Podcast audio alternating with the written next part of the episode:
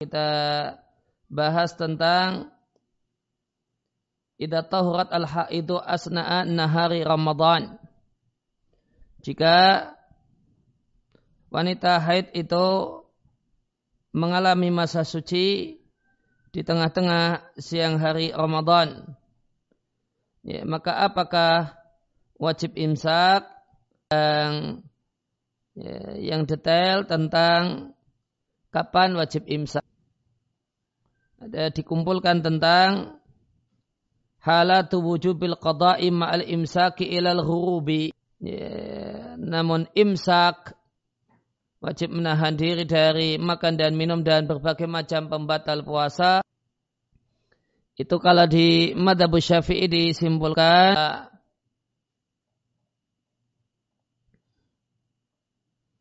ya, maka orang yang dengan sengaja makan dan minum ya dengan sengaja ya, makan dan minum di membatalkan puasa dengan makan dan minum atau dengan hubungan suami istri maka wajib baginya imsak. Ini. Tidak kemudian ah ini kan sudah batal puasa saya setelah itu. Ya kalau demikian saya lanjut makan dan minum saja sampai ya, sore. Tidak demikian. Ada kewajiban imsak. Kemudian yang kedua adalah ala tarkin niyati lailan walau sahwan. Orang yang meninggalkan uh, niat di malam hari meskipun karena lupa.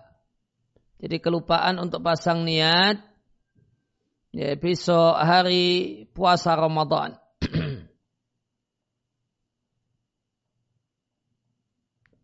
ya, maka hari di mana ya, pada malamnya tidak pasang niat untuk puasa itu wajib kodok namun wajib imsak.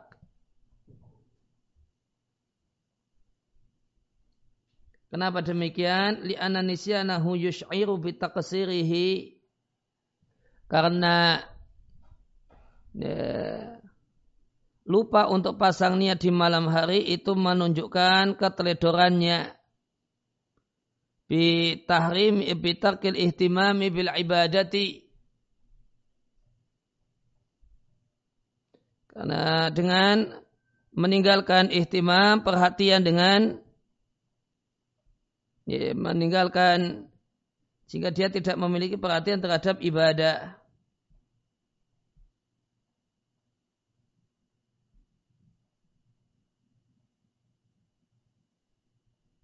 masih makan sahur karena mengira masih malam, ternyata pagi sudah tiba.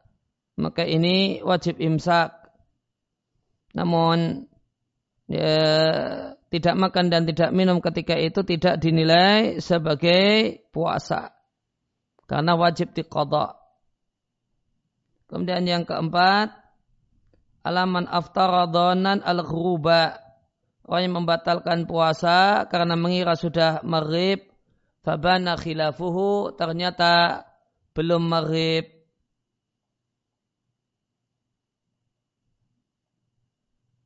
Dan tindakan membatalkan puasa karena mengira belum maghrib itu secara hukum haram ataukah tidak dirinci sebagaimana di catatan kaki di takirat asadidah jika sangkaannya itu berdasarkan istihad, membaca tanda-tanda, kemudian disimpulkan, oh ini sepertinya sudah maghrib, maka tindakan membatalkan puasa karena menyangka kalau sudah maghrib tidak haram. Wa amma idan lam ya'tamid ala istihadin. Adapun jika ya, melakukan hal yang membatalkan puasa karena mengira sudah marib itu tanpa dasar istihad yaitu tanpa membaca tanda-tanda. Ya, jadi asal ini asal membatalkan. Rumu iqdamuhu maka tindakannya adalah tindakannya hukumnya haram fahyarum iqdamu alal fitri maka tindakannya membatalkan puasa itu hukumnya haram. Di anal asla baqaun nahari karena hukum asalnya masih siang. Kemudian yang keenam orang yang tidak sengaja air itu masuk air itu masuk ke dalam tubuhnya dalam keadaan aktivitas yang dia lakukan tidak disyariatkan yaitu tidak diperintahkan. Misalnya kumur-kumur bukan karena wudhu, bukan karena mandi. Kemudian uh, ya, kemudian ada yang tertelan maka puasanya batal dalam tinjauan madhab syafi'i puasanya batal wajib imsak atau kumur-kumurnya kencang padahal dia sadar kalau kondisi puasa. Itu uh, kumur-kumur yang kencang itu tidak diperintahkan. Demikian juga istingsak.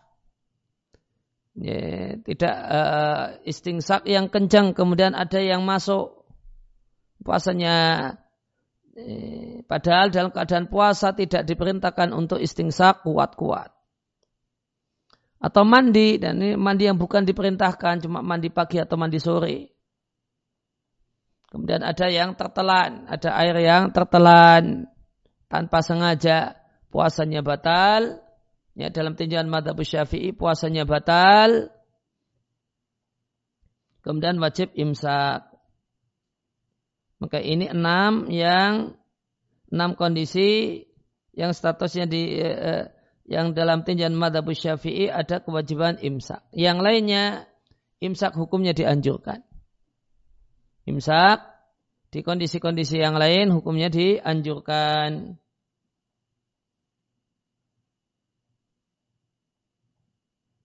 Ya, semisal di halaman 458 eh, disampaikan ya, disampaikan.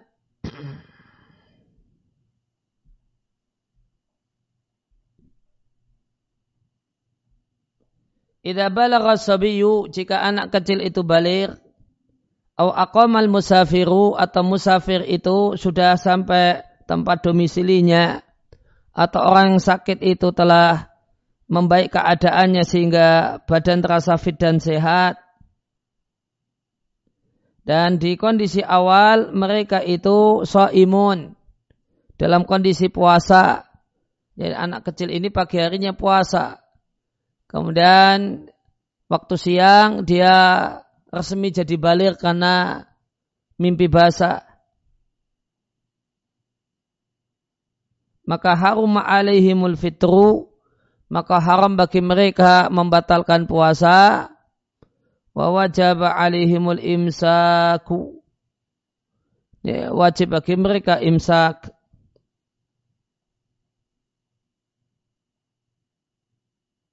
Kemudian yang kedua, idza tahurat al-haidu wan nufasa'u, jika wanita haid atau kan nifas itu suci. Atau orang gila itu afaka ya, sadar atau ada orang kafir masuk Islam di siang hari bulan Ramadan. Maka ustuhiba lahumul imsaku. Maka imsak menandir dari makan dan minum sampai maghrib hukumnya adalah dianjurkan. Wala qada'a alal majunin wal kafir. Namun untuk orang yang gila dan orang kafir yang masuk Islam puasa hari itu ya, orang gila yang sembuh atau non muslim yang masuk Islam di tengah-tengah siang hari bulan Ramadan puasa hari itu tidak tidak wajib dikodok.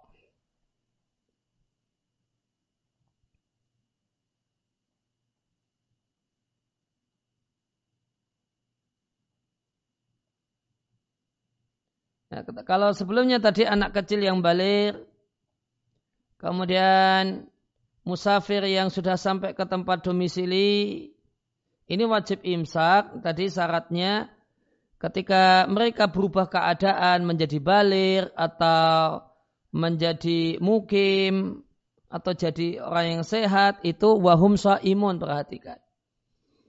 Mereka ini wajib imsak manakala mereka dalam kondisi ya, puasa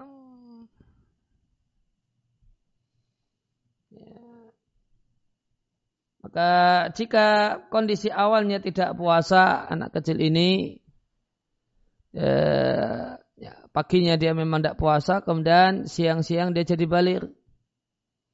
Atau musafir ini dia di pagi hari posisinya tidak puasa karena musafir, kemudian sampai tempat tujuan. Maka ini maka imsak uh, imsak untuk mereka hukumnya dianjurkan.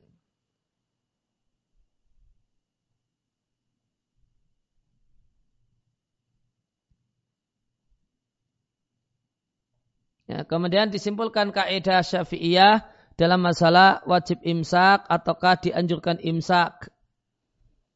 Ya, itu kesimpulannya ada di catatan kaki, namun mungkin tidak bisa tampil di layar ya.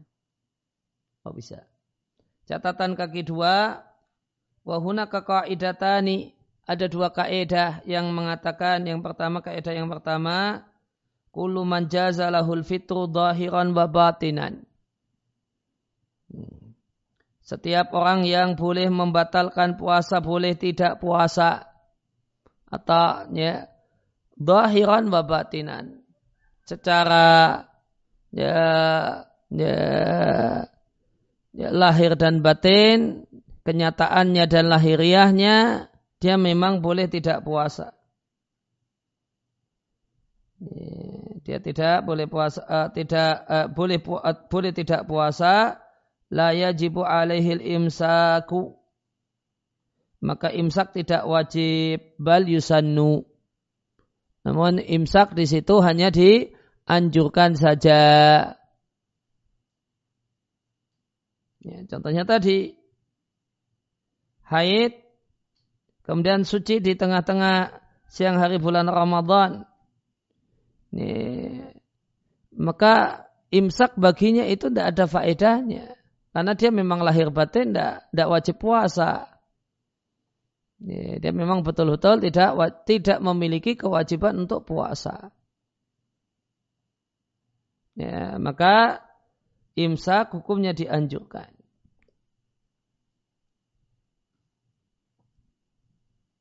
Kemudian kaidah yang kedua, karena tadi dua kaidah, wa kuluman harum alih al fitru dan semua orang yang haram untuk membatalkan puasa atau berbuka zahiran wa batinan. Ya, secara hukum lahir dan batin, hukum ya, hukum akhirat dan hukum dunia. Au batinan fakat atau menurut hukum akhirat. Ya, dia tidak boleh membatalkan puasa, wajib alaihil imsaku. Maka wajib baginya imsak. Contohnya tadi, contohnya orang yang membatalkan puasa secara sengaja. Secara sengaja dia makan dan minum. Ya, secara sengaja dia membatalkan puasa dengan hubungan suami istri. Ya, wajib baginya imsak.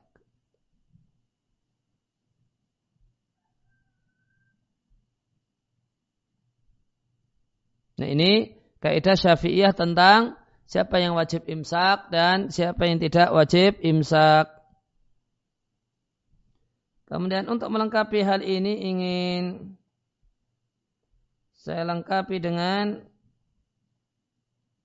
kaidah Sa Ibnu Thaimin tentang orang yang siapa yang wajib imsak dan yang siapa yang tidak wajib imsak.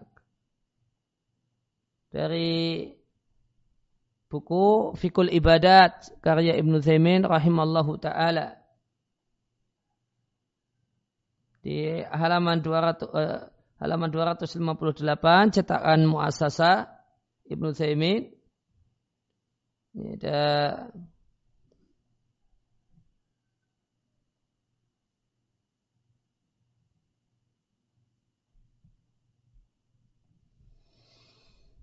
Dia katakan walihada naqulu oleh karena itu kami katakan al qaulu rajihu fi hadil mas'alati pendapat yang terkuat dalam pandangan beliau dalam pandangan Sa'id bin Utsaimin rahimallahu taala dalam masalah ini anal marida lau bari'a fi athna'in nahari. Seandainya ada orang yang sakit ya, dia sehat di tengah-tengah siang maka muftiran. Dan di pagi harinya dia memang tidak puasa. Fa la yalzamu al imsaku maka tidak wajib baginya imsak seandainya musafir itu tiba di daerah domisilinya di rumahnya di tengah-tengah siang dia sampai kepada di negerinya maka muftiran dan dia keadaannya memang keadaan uh, di pagi hari di awal pagi memang tidak puasa. Layal zamu al imsaku. Maka tidak wajib baginya imsak seandainya wanita haid itu suci fi inna hari di tengah-tengah siang Fa la yalzamu al imsaku maka juga tidak wajib imsak. Ya, namun kalau orang-orang ini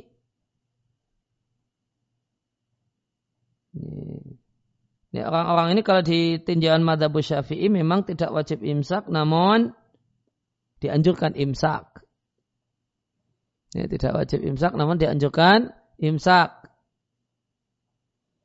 Ini, karena kalau di Syafi'i hukumnya hanya wajib imsak atau dianjurkan imsak.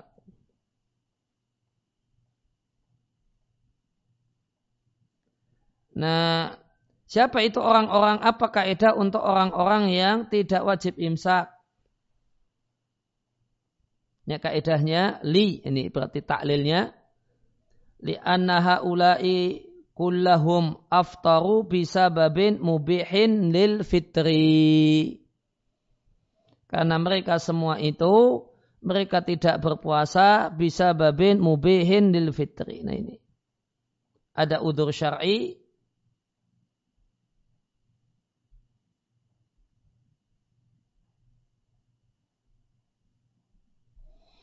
Ya, ada udur yang mereka ini orang yang memiliki udur memiliki alasan yang syariat mengatakan mereka boleh tidak puasa. Nah, untuk orang-orang yang punya alasan syar'i untuk tidak berpuasa, fakana dalikal yaumu fi haqqihim la hurmatalahu. Maka untuk mereka hari ketika itu hari Ramadan ketika itu tidak memiliki kehormatan. Karena ingat, alasan wajib imsak itu lihormatil yaum, lihormatil zaman. Karena memuliakan waktu, waktunya waktu Ramadan yang mulia. Kenapa itu tidak memiliki hari ketika itu tidak memiliki kehormatan uh, baginya? untuk khusus untuk orang tersebut sebabnya bi baknya bi bak sababiyah bi ibahati syar'i al iftar fihi karena syariat membolehkan untuk tidak puasa baginya di hari itu. Fala yalzamu al imsaku idza zala sababul mubihu lil fitri. Maka tidak ada keharusan untuk imsak manakala udur atau sebab yang membolehkan tidak uh, sebab yang membolehkan tidak berpuasa itu hilang. Nih, jadi jika tidak puasa itu karena udur, kemudian udurnya hilang. Jika tidak puasa karena udur, kemudian udurnya hilang, nah, itu tidak wajib imsak. Kemudian yang wajib imsak itu siapa? Kalau kaidahnya saya Ibnu Taimin, yang wajib imsak itu orang yang berubah status semula bukan ahlul wujub, kemudian berubah status menjadi ahlul wujub siam. Nah, orang yang berubah status ya, menjadi orang yang terkena kewajiban berpuasa.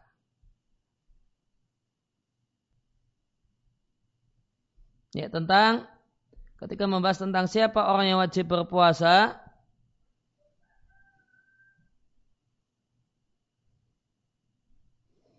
maka saya menurut saya menyampaikan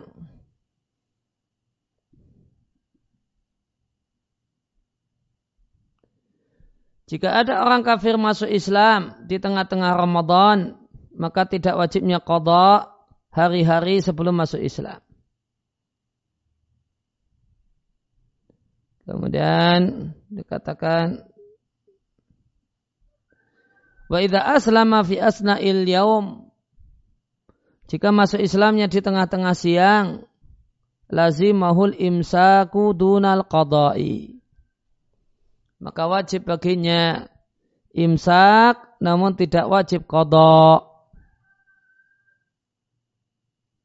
Maka jika ada orang yang masuk Islam saat matahari telah geser ke barat misalnya kami katakan kepada mu'alaf ini amsik bakiyata yaumika. Anda tahan dirimu dari makan dan minum di sisa jam yang ada sampai tenggelamnya matahari. Wala yalzamuka qada'u namun puasa hari ini tidak wajib Anda qada'. Fana'muruh bil imsaki. Maka kita perintahkan dan kita wajibkan orang tersebut untuk imsak. Apa ilahnya? Li'annahu sara min ahlil wujubi. Ya, karena dia berubah status menjadi orang yang terkena kewajiban berpuasa yaitu muslim.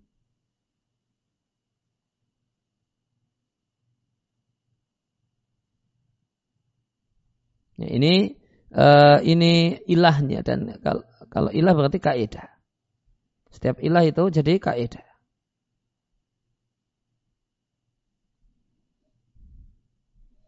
Ya, maka orang yang semula tidak ya, tidak terkena kewajiban puasa, kemudian dia berubah status terkena kewajiban puasa menjadi ahli wujub, nah, maka imsak baginya wajib dalam pandangan ya, Syekh Muhammad ibn Salah al Utsaimin rahimallahu taala. Sehingga orang yang semula anak kecil kemudian baliknya di siang hari uh, ya, siang hari bulan Ramadan ya maka ya, setelah dia balik wajib imsak.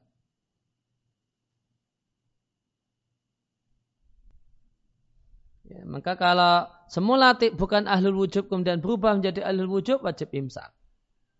Namun orang yang ahlul wujub kemudian dia diberi ruhsah oleh syariat untuk tidak puasa karena dia safar atau karena uh, karena yang lain karena dia sakit maka nanti kalau sebab udurnya itu hilang tidak ada kewajiban imsak.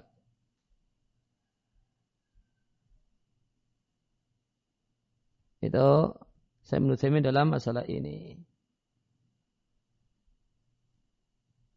Kemudian kita lanjutkan, kita kembali ke buku ya, Mukhtasar Hadis Siam.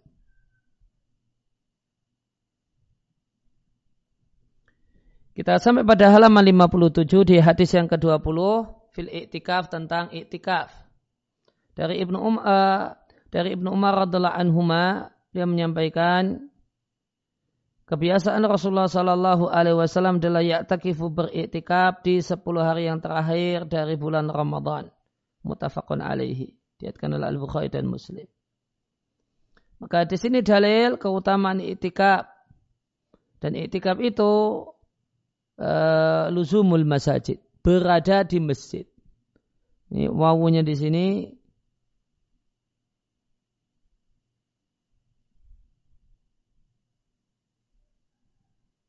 Ini wawunya wawu tafsiriyah. Ya, menjelaskan apa itu iktikaf. Namanya wawu at-tafsiriyah. Walasiyama terutama di 10 hari yang terakhir dari bulan Ramadan. Karena Nabi Wasallam karena karena menunjukkan kebiasaan ya, beriktikaf di 10 hari yang terakhir dari bulan Ramadan sampai Allah wafatkan beliau.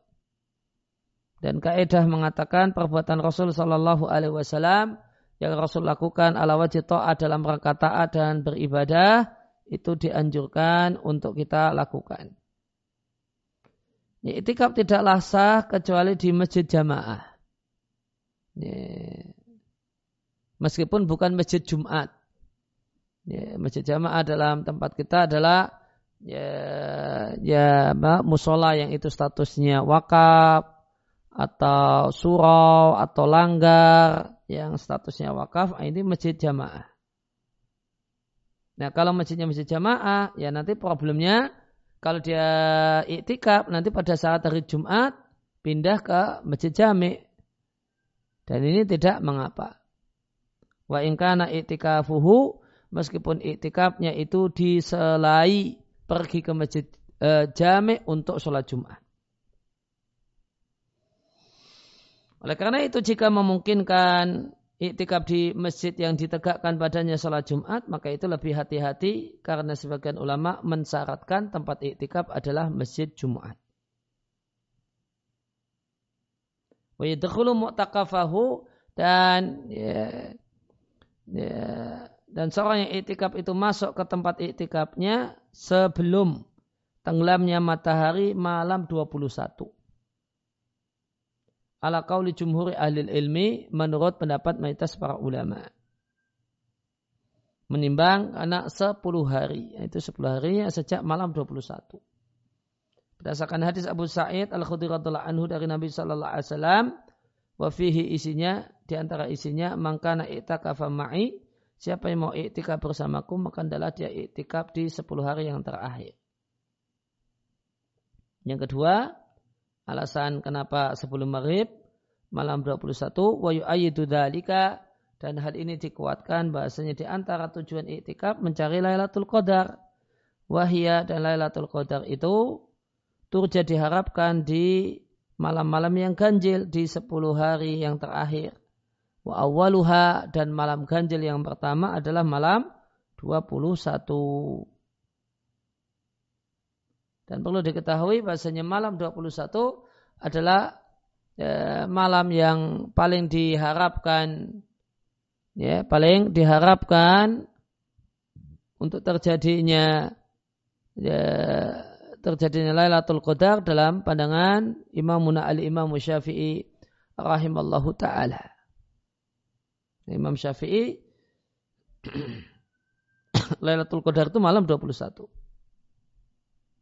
Bagaimana misalnya bisa kita baca di Umdatul Muhtad Sarah Minhajut Talibin karya Ibnu Mulakin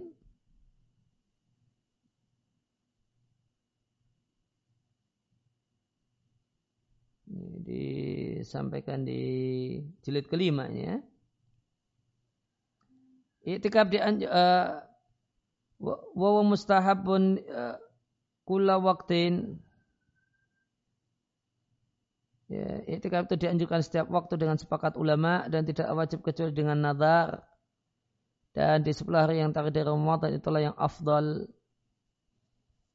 Di Minhajul Talibin disampaikan li tolabi lailatul qadri. Karena untuk mencari malam lailatul qadar.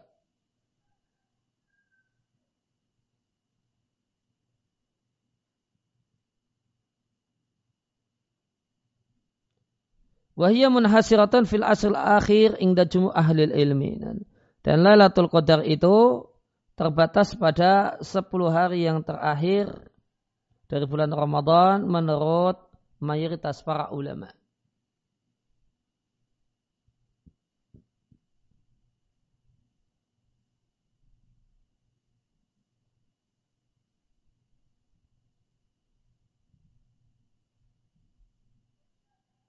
Kemudian di Matan Minhajut Talibin karya An-Nawawi, An-Nawawi mengatakan wa mailu Syafi'i rahimallahu ila annaha lailatul hadi au thalis wal isrin. Ini pendapat yang dicondongi oleh Al-Imam Syafi'i bahasanya Lailatul Qadar itu Lailatul Hadi wal isrin malam 21 atau athalis wal isrin atau malam 23.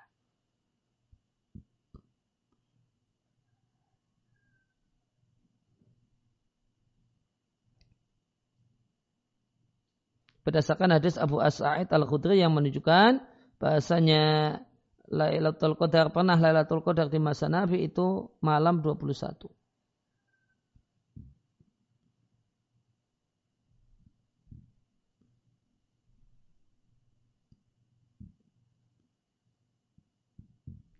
Sebagaimana disampaikan oleh Bandaniji, salah satu ulama Syafi'iyah mengatakan Madhabu Syafi'i anna arjaha lailat anna arjaha lailatu ihda wa isrin. Pendapat al-Imam Syafi'i malam yang paling diharapkan malam Lailatul Qadar adalah malam 21. Wa qala fil qadimi ini di berarti kalau jadidnya al-Imam Syafi'i.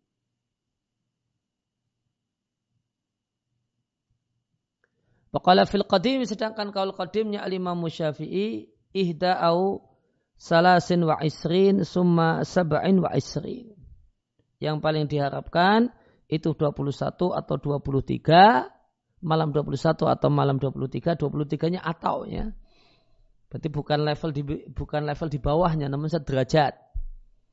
Malam 21 dan sederajat dengan itu malam 23. Thumma kemudian uh, level di bawahnya malam 27.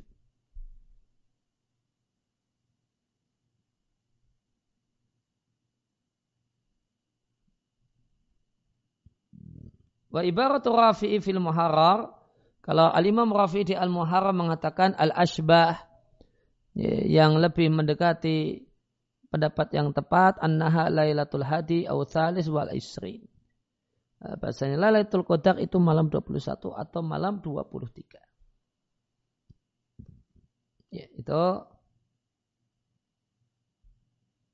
ya.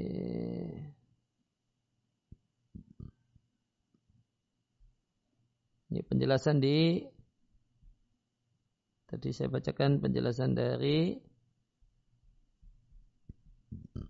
ini Umdatul Muhtad ila Syarhil Minhaj karya Ibnu Mulakib Asy-Syafi'i.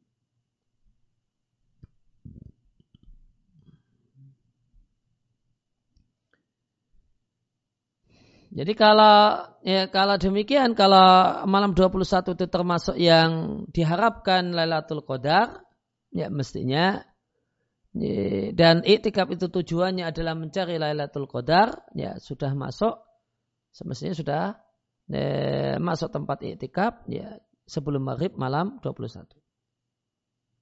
Ya, kembali ke buku Mukhtasar Ahadis Siyam wal iktikaf fil masjid dan iktikaf di masjid di 10 hari yang terakhir memiliki faedah yang manfaat yang besar.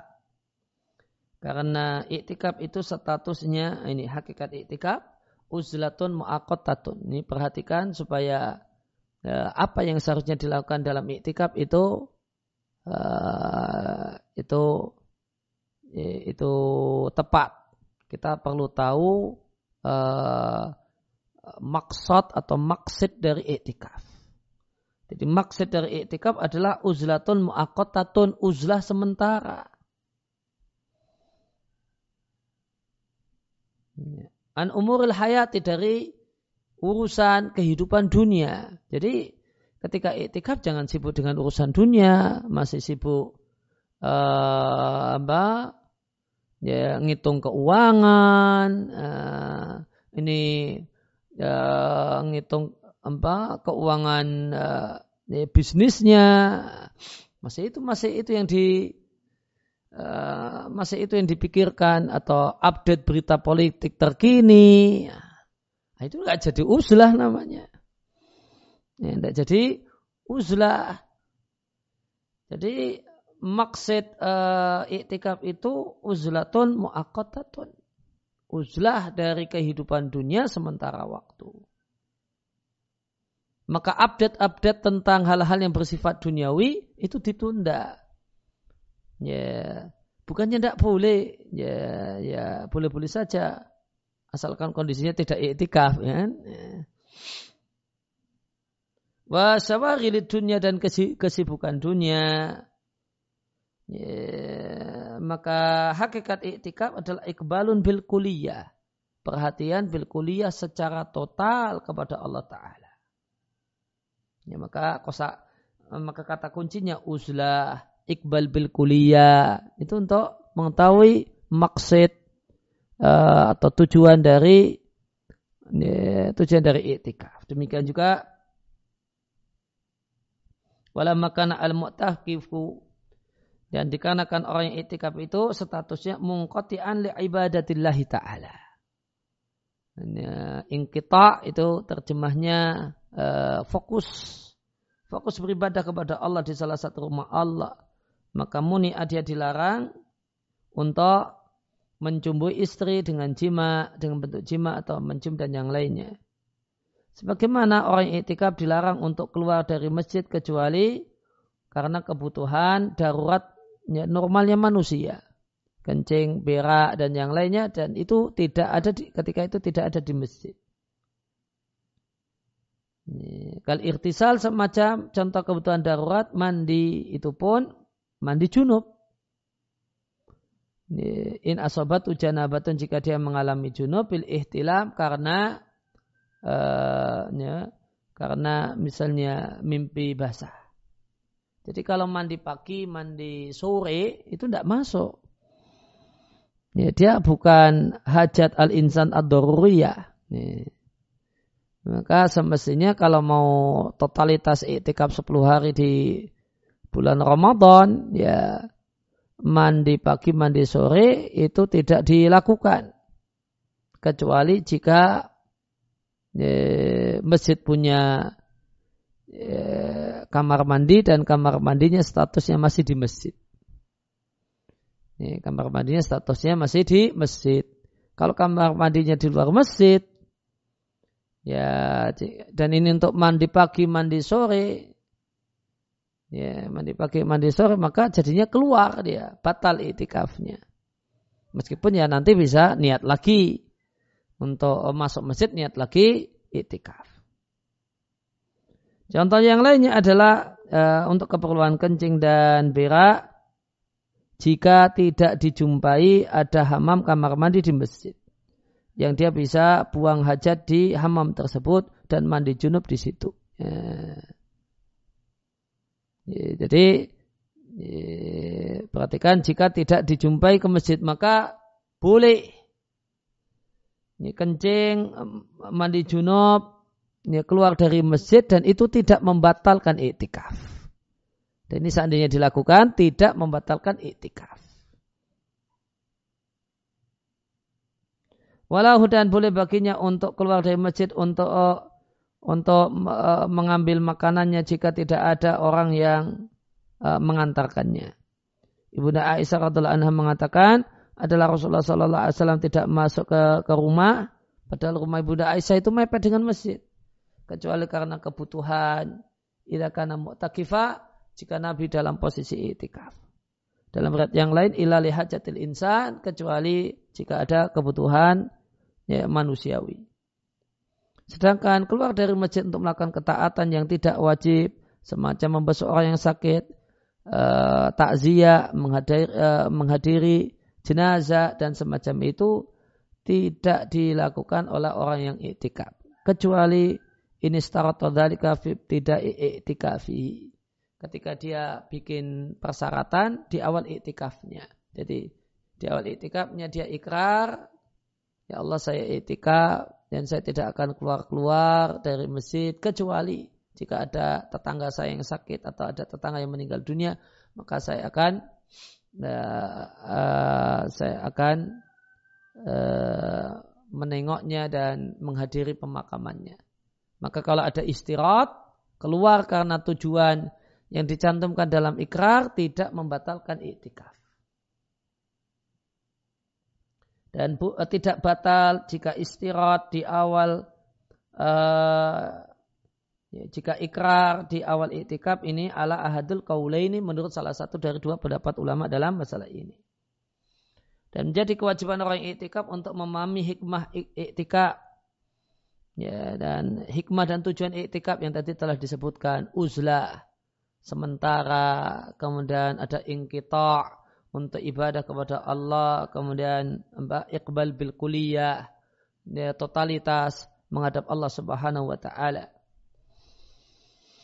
Itu hikmah iktikaf sehingga hendaklah dia habiskan waktunya untuk sholat, baca Al-Quran dan berzikir dan memanfaatkan waktu. Boleh diisi dengan kegiatan menuntut ilmu, ya, menghadiri pengajian yang ada di masjid, e, membaca buku tentang tauhid, tafsir, hadis dan yang lainnya asalkan buku-buku yang bermanfaat. Tapi kalau bukunya itu cara untuk mengembangkan bisnis misalnya, ah, jangan. Ya, cara cepat jadi orang kaya itu, uh, itu jangan buku bacaan semacam ini jangan dibawa ya ke masjid ketika mau iktikaf. Wala baksa tidak mengapa ngobrol sebentar bi hadisin mubahin. Dengan obrolan yang mubah bersama keluarga dan ya, atau yang lain. Kalau hadisnya bersama keluarga. Orang lain dikiaskan. Ya. Maslahatin karena maslahat.